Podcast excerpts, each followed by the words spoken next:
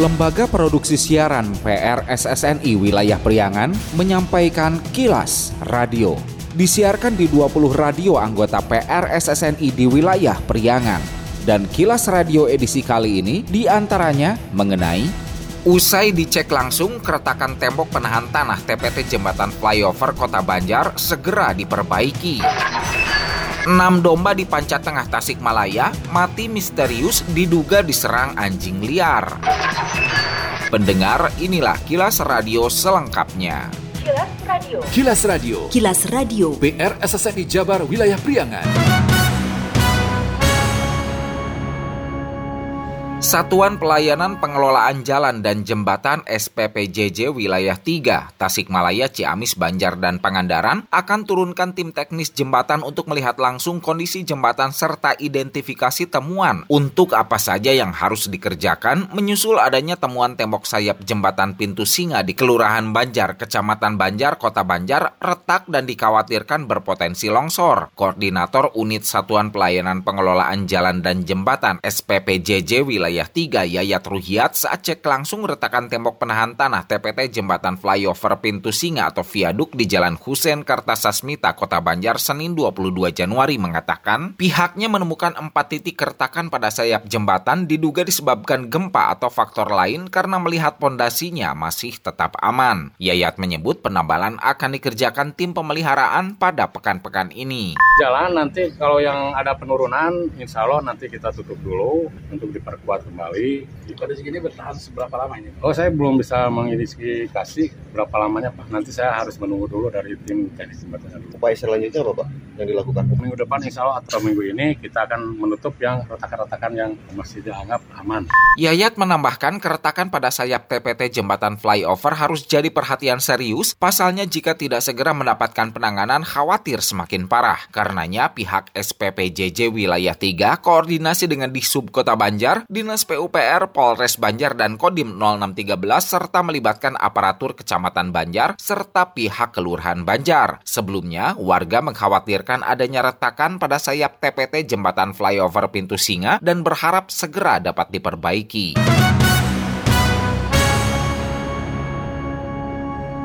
Sebanyak enam ekor domba milik warga kampung Pamijahan, Desa Tonjong, Kecamatan Panca Tengah, Kabupaten Tasikmalaya mati secara misterius diduga diserang anjing liar. Senin 22 Januari, didapati bangkai domba itu terdapat luka pada bagian perut. Kasat Reskrim Polres Tasikmalaya AKP Ridwan membenarkan atas kejadian itu. Pihaknya bersama petugas Polsek Panca Tengah telah datangi TKP. Menurut Ridwan, domba yang mati misterius itu tak hanya saat ini saja, namun sebelumnya pernah terjadi. Diketahui lokasi kandang jauh dari pemukiman warga. Informasi yang kita peroleh dari masyarakat, memang sebelumnya juga ada beberapa kejadian e, kambing mati. Diduga matinya kambing-kambing itu adalah sekelompok anjing liar yang selama ini mungkin tinggal di hutan. Kandang kambingnya juga memang agak jauh dari pemukiman sehingga pada tengah malam datang kemudian memangsa daripada kambing-kambing masyarakat. Sementara Kapolsek Panca Tengah AKP Suwarto mengimbau masyarakat tak perlu resah dan panik dengan isu anjing liar itu. Ia meminta masyarakat tetap tingkatkan kewaspadaan untuk mengantisipasi kejadian serupa dengan memasifkan siskamling. Selain meningkatkan ronda malam, masyarakat berniat memburu anjing liar itu agar tidak memangsa ternak, bahkan sepakat berencana meracuni anjing liar.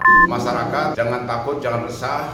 Yang penting kita sama-sama melakukan keamanan lingkungan yang ada di masing-masing. Minimal kita ronda malam harus ditingkatkan. Apabila terjadi hal yang serupa, kita cepat dihubungi, cepat menanggulangi supaya tidak terjadi hal seperti yang telah terjadi sampai makan 6 korban kambing.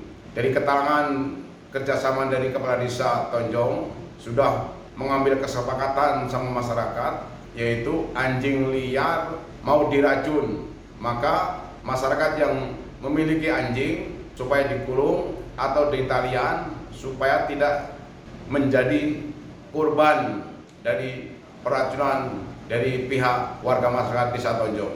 Sekali lagi, atas kejadian domba dimakan sama anjing liar, masyarakat jangan resah. Terima kasih.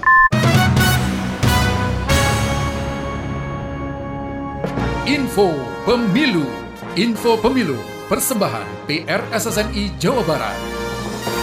Adanya dugaan pelanggaran sejumlah calon peserta pemilu yang memanfaatkan program pemerintah berupa bantuan alat memasak listrik AML dari Kementerian Energi dan Sumber Daya Mineral ESDM untuk mempengaruhi pemilih di Kabupaten Ciamis ditanggapi serius Kapolres. Kapolres Ciamis AKBP Akmal usai menghadiri acara deklarasi damai pemilu 2024 di Aula KPU Ciamis Senin 22 Januari menegaskan pihaknya akan mengawal penanganan dugaan pelanggaran pemilu itu sampai tuntas. Menurut Menurutnya, polisi mendukung penanganan oleh Bawaslu, termasuk di dalamnya ada petugas kepolisian. Itu mungkin nanti rekan kami dari Bawaslu yang mengkaji.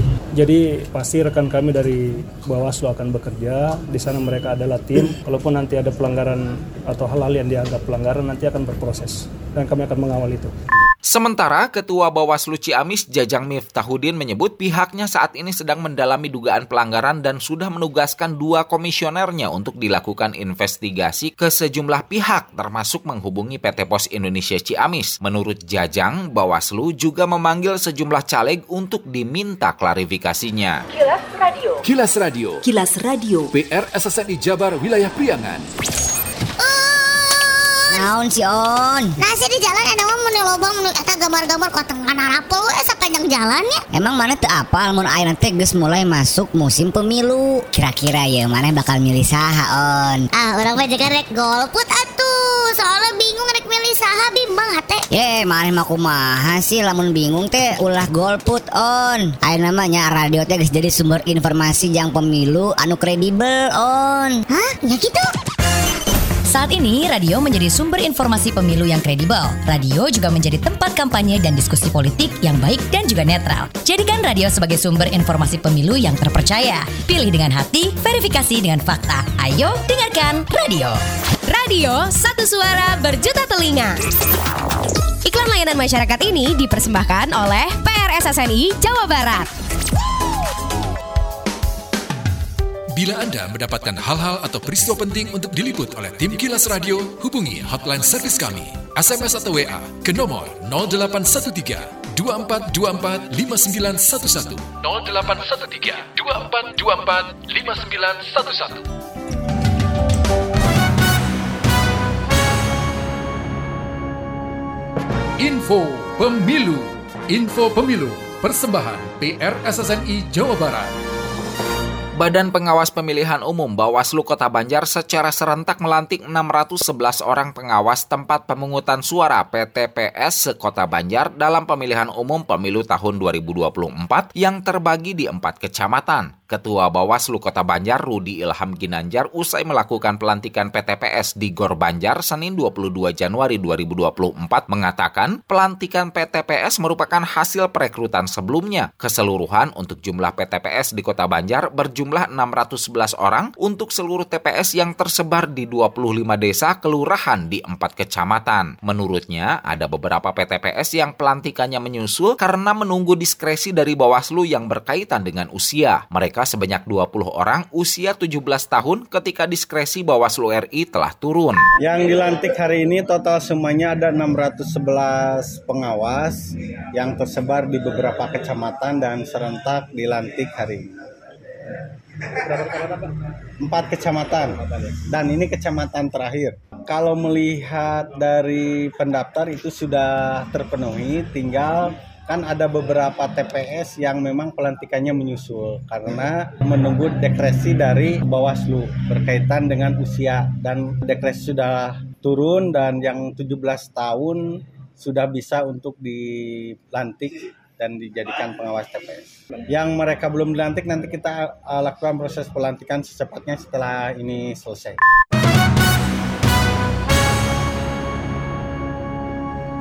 Mengakhiri masa jabatannya sebagai Bupati Garut, Rudi Gunawan resmi menjabat sebagai Ketua Umum Persatuan Sepak Bola Indonesia Garut Persigar untuk periode 2024-2029. Pelantikan dan pengukuhan pengurus Persigar baru dilangsungkan di Gedung Penopo Garut Minggu 21 Januari. Dengan visi mengangkat prestasi sepak bola lokal, Rudi mengemban misi membawa Persigar tampil di layar televisi nasional sebagai simbol keberhasilan tim mencapai Liga 1 Indonesia. Ia menekankan perlunya strategi strategi komprehensif mencakup kesiapan materi, pemain, manajemen, dan dukungan masyarakat Kabupaten Garut. Kita akan membuat komitmen ya, tujuan kita jelas ya.